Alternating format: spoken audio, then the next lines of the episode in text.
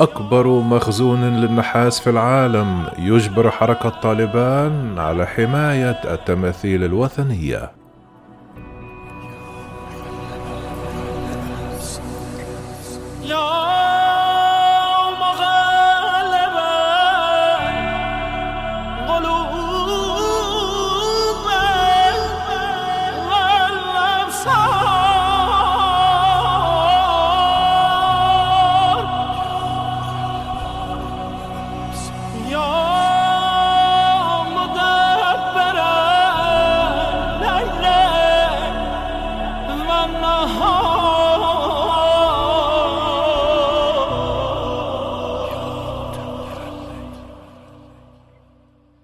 تسعى حكومة طالبان في أفغانستان إلى الاستفادة من منجم يعتقد أنه يحوي أكبر مخزون للنحاس في العالم بعد عقود من الفشل في استغلال هذه الثروة الهائلة وتجري الحركة التي تواجه أوضاعا اقتصادية خانقة محادثات مع شركات صينية كبيرة لاستخراج هذا المعدن.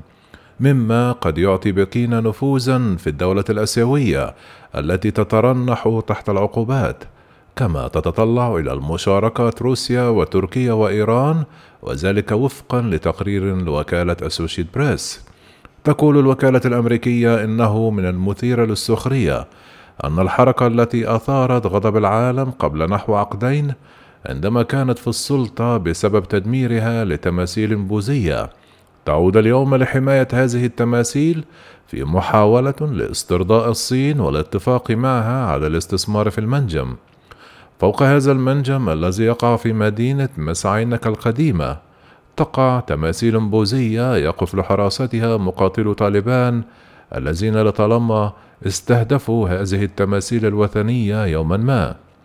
يضم الموقع الضخم الذي تم اكتشافه في ستينيات القرن الماضي أربعة أديرة وورش نحاسية قديمة وقلعة ويعتقد أنه كان مستوطنة بوذية رئيسية ومفترق طرق للتجار القادمين من الغرب ومن الصين. ويقع على عمق مئات الأمتار من هذا الموقع الأثري الذي بناه رهبان بوذيون في القرن الأول ما يعتقد أنه أكبر مخزون من النحاس في العالم. يصل حجم المعدن فيه وفق دراسات إلى 12 مليون طن. ويعلق حكام طالبان في أفغانستان آمالهم على بكين لتحويل هذا المعدن إلى مصدر إيرادات لإنقاذ الدولة التي تعاني من نقص في السيولة وسط عقوبات دولية خانقة. قال حاكم الله مبارز رئيس فرقة الأمن التي تحرس الموقع إن حراسته ستفتح الطريق لضخ مليارات الدولارات من الاستثمارات الصينية. وقاد مبارز وحدة قتالية من قبل في الجبال المحيطة لمحاربة القوات الأفغانية. وعندما استسلمت تلك القوات العام الماضي هرع رجاله لتأمين الموقع. قال كنا نعلم أنه سيكون مهما للبلاد. ويشير تقرير وكالة أسوشيتس بريس إنه لطالما أدركت الحكومات المتعلقة لأفغانستان أهمية قطاع التعدين غير المستغل الذي قدرت قيمته بنحو تريليون دولار لكنها فشلت في استغلاله بسبب العنف المستمر. والآن تتطلع العديد من الدول بما في ذلك إيران وروسيا وتركيا إلى الاستثمار لملء الفراغ المتبقي في أعقاب الانسحاب الأمريكي. وطرق باب مكتب زياد رشيدي مدير العلاقات الخارجية بوزارة التعدين هذه الأيام. الروس والإيرانيون والأتراك والصينيون ليقولوا إن الجميع في عجلة من أمرهم للاستثمار لكن الاهتمام الصيني غير عادي. قد تكون الصين أول قوة عظمى تتولى مشروعا كبيرا في أفغانستان التي تسيطر عليها حركة طالبان مما قد يعيد رسم الخريطة الجيوسياسية لآسيا.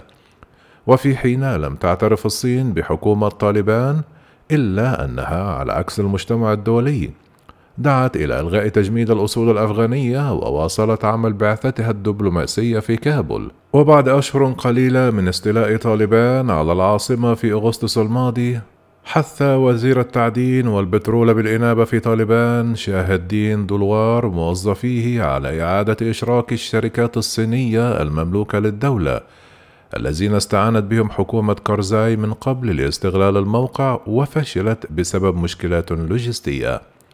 اتصل رشيدي بشركة MCC الصينية من أجل العودة، ومن المقرر أن تصل لجنة فنية في تحالف يضم هذه الشركة العملاقة إلى كابول في الأسابيع المقبلة لمعالجة العقبات المتبقية لإبرام تعاقد طويل الأمد.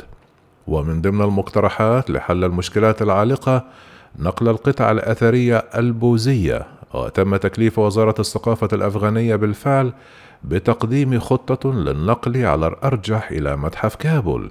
وقال دلوار لوكالة أسوشيت بريس لقد نقلنا بالفعل بعض القطع الأثرية إلى العاصمة ونعمل على نقل الباقي حتى يمكن بدء أعمال التعدين. لكن الشركة تسعى أيضا إلى إعادة التفاوض على الشروط خاصة فيما يتعلق بخفض الضرائب ومعدل الرسوم يصل إلى 19.5% أي إلى النصف تقريبا. وبينما تبدو الوزارة متفائلة بإمكانية التوصل إلى اتفاق يتوخى مسؤول مؤسسة MCC الحظر ولم يتحدثوا إلى وكالة أسوشيت بريس بشكل رسمي. مشيرين إلى الحساسيات حول المحادثات الجارية بينما لا تزال العقوبات الدولية تحظر التعامل مع حركة طالبان يقول التقرير أن طالبان وعدت القرويين في المنطقة بتوفير نحو ثلاثة إلى أربعة آلاف وظيفة مباشرة بسبب هذا المشروع ونحو خمسة وثلاثون ألف وظيفة غير مباشرة. ويمكن أن يجلب الاستثمار في مسعينة ما بين 250 إلى 300 مليون دولار سنوية لعائدات الدولة بزيادة قدرها 17% بالإضافة إلى 800 مليون دولار في الرسوم وذلك وفقا لمسؤولي الحكومة والشركات. وهذا مبلغ كبير في الوقت الذي تعاني فيه البلاد من الفقر مع تجميد الأصول ووقف المنح الدولية.